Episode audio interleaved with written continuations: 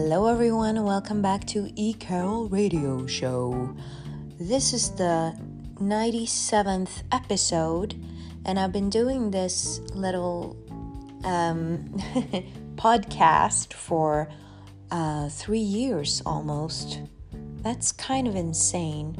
So, 30 episodes per year. I should make more since they're so incredibly short.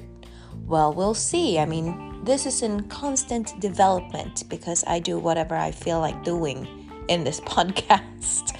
Um, so, therefore, this episode will contain some French. Um, it's from one of my favorite, absolute favorite songs, uh, written by the most greatest Edith Piaf. Um, but I realized that my French has kind of died the past 10 years. I used to be a top A French student, and, and um, it's not like that anymore. But um, I just wanted to read it just to try it out. So enjoy.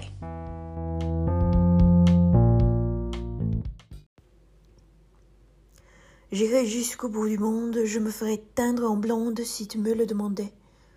J'irai décrocher la lune, j'irai voler la fortune si tu me le demandais. Je renierai ma patrie, je renierai mes amis si tu me le demandais. On peut bien rire de moi, je ferai n'importe quoi si tu me le demandais.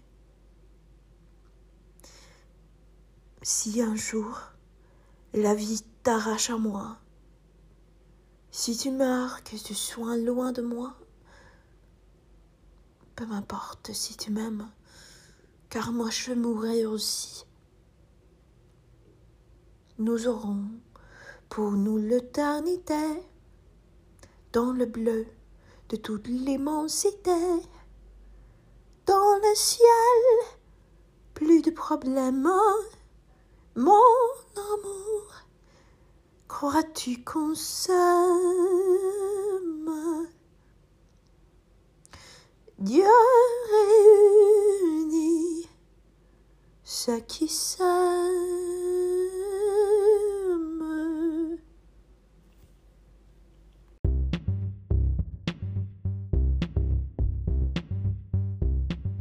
Yeah, that was uh, very interesting.